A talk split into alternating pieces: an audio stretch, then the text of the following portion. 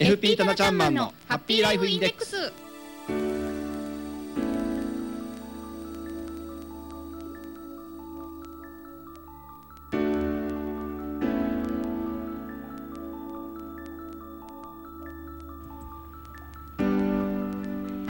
タナちゃんマンのハッピーライフインデックス。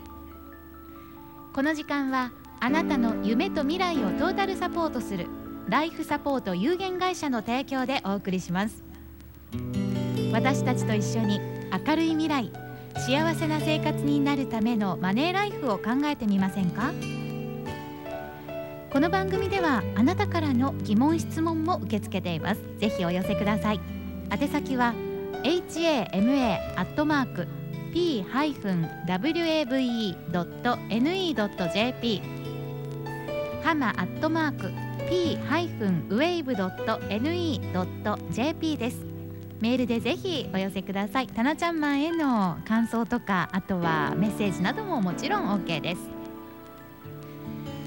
さあそれでは今日も早速一級ファイナンシャルプランニング技能士でありライフサポート有限会社代表のたなちゃんマンを呼んでみましょう。あなたもご一緒に。せーの。たなちゃんマン。はいこんにちは。棚橋です。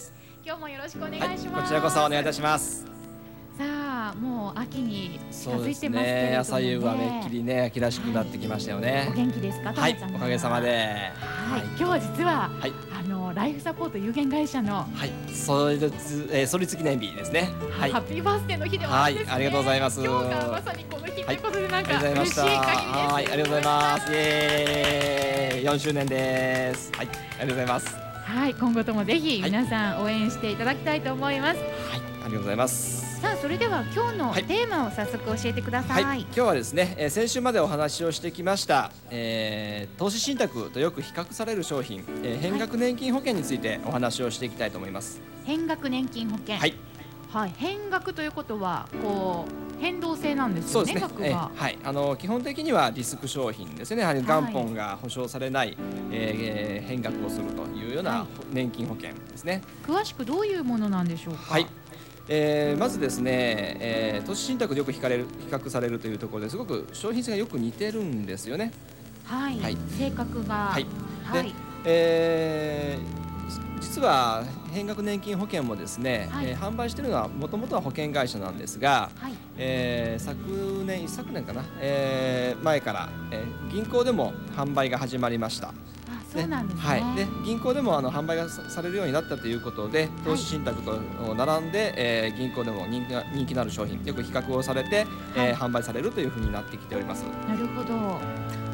でもちろん、あの変額年金保険も独立系のファイナンシャルプランナーであったりとか、えー、生命保険の代理店ですねでも取り扱いがやっております。そういったことも加入をすることができるという商品になっております。はい、はい。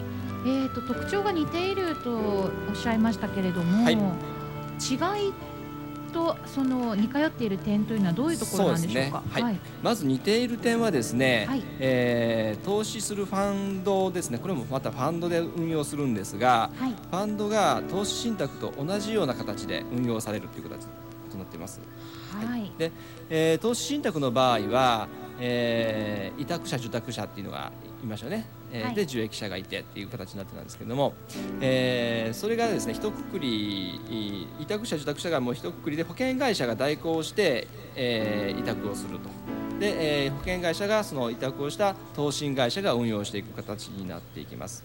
はい、はい、で、えー、投資信託というのは自分が買ったファンドですね投資信託。例えばその外国の債券で運用する投資信託であるとか日本国内の株式で投資する投資信託であるとかいうのをその投信会社、え、銀行窓口になって買って、え、投信会社にお金が行って運用されるんですけれども、えー、変額年金保険は,、えー、保険会社に保険に加入をしてその加入された保険会社が投信会社に委託をしていくという形で運用していきます。で運用の仕方はまるっきり同じですね。その投信会社が運用していくという点では同じです。はい。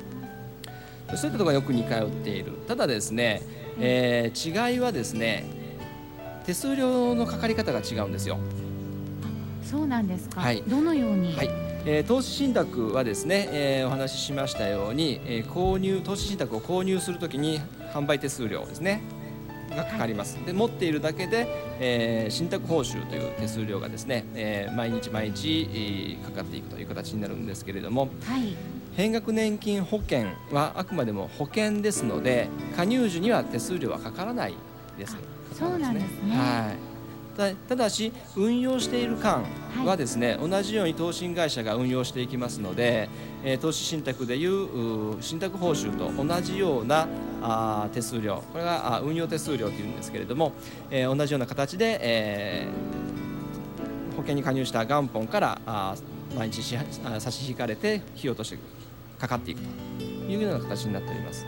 はい、はい、となると投資信託よりもこちらの方が、はいやりやすいのかなというイメージを持つんですそうですね、あのー、まあ、入り口のところで手数料がかかるかかからないかというところですよね、はい、えー、ただしですね、はい、変額年金保険はあくまでもやっぱり保険ですので、はい、もし万が一、えーえー、加入をして被保険者が満期になるまでの間に万一のことがあった場合要は亡くなられた場合ですね、死亡保険金としてえー、預け入れた元金が保証されてます。死亡保険金としてですね、はい、えー、ですのでその保険という機能がある分だけですね、はい、例えば100万円投資したら100万円がそのまま運用がスタートするっていうことではないんですよ。なるほど、はい、投資信託ですとそのままが運用の対象となるんですね。ね。はい。まあ、別個で手数料いるものは、はい、手数料は中から引かれるものあるんですけれども、えー、あの基本的には運用元本が運用始まるんですけれども、年金保険は投資をしたものから保険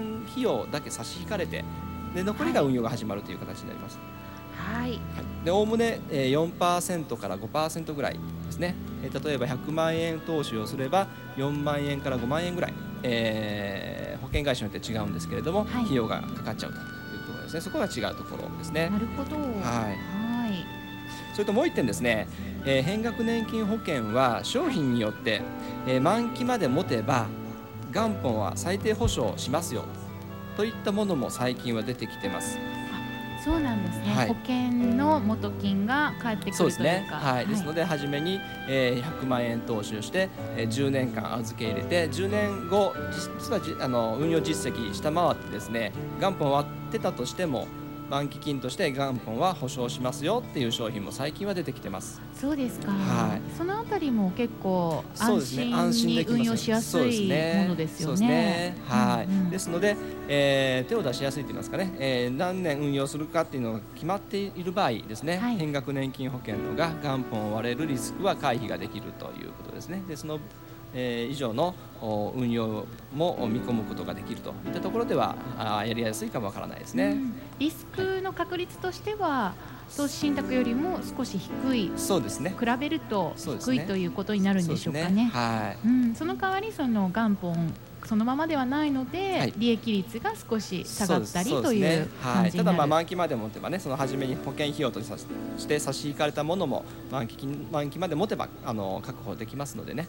その辺は安心できると思います、はい、そして中には最近ですねロールアップ保証といってですね、はい、例えば10年以上預けてくださいねというルールがあったりとかするんですけれども、はい、えー、そのルールをきちっと守ればですね毎年毎年2%ずつ元本を保証しますよというのも出てきてます。はい。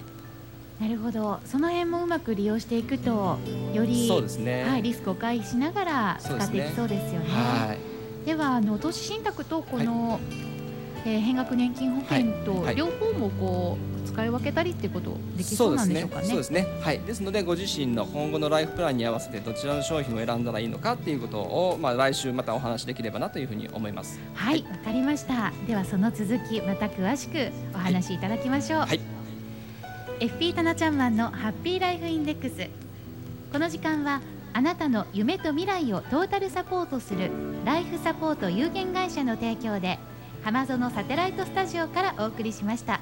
今日は変額年金保険についてお話また来週もその続きです。それではまた来週この時間にお会いしましょう。ありがとうございました。はい失礼します。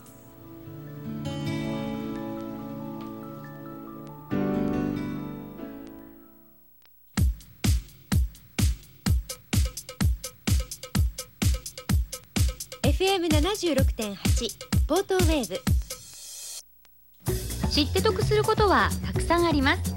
知らないと損することもたくさんあります。生命保険住宅ローン不動産資産運用。明るい未来とあなたの夢をファイナンシャルプランナーが最適のマネープランでトータルサポートいたします。ライフサポート有限会社。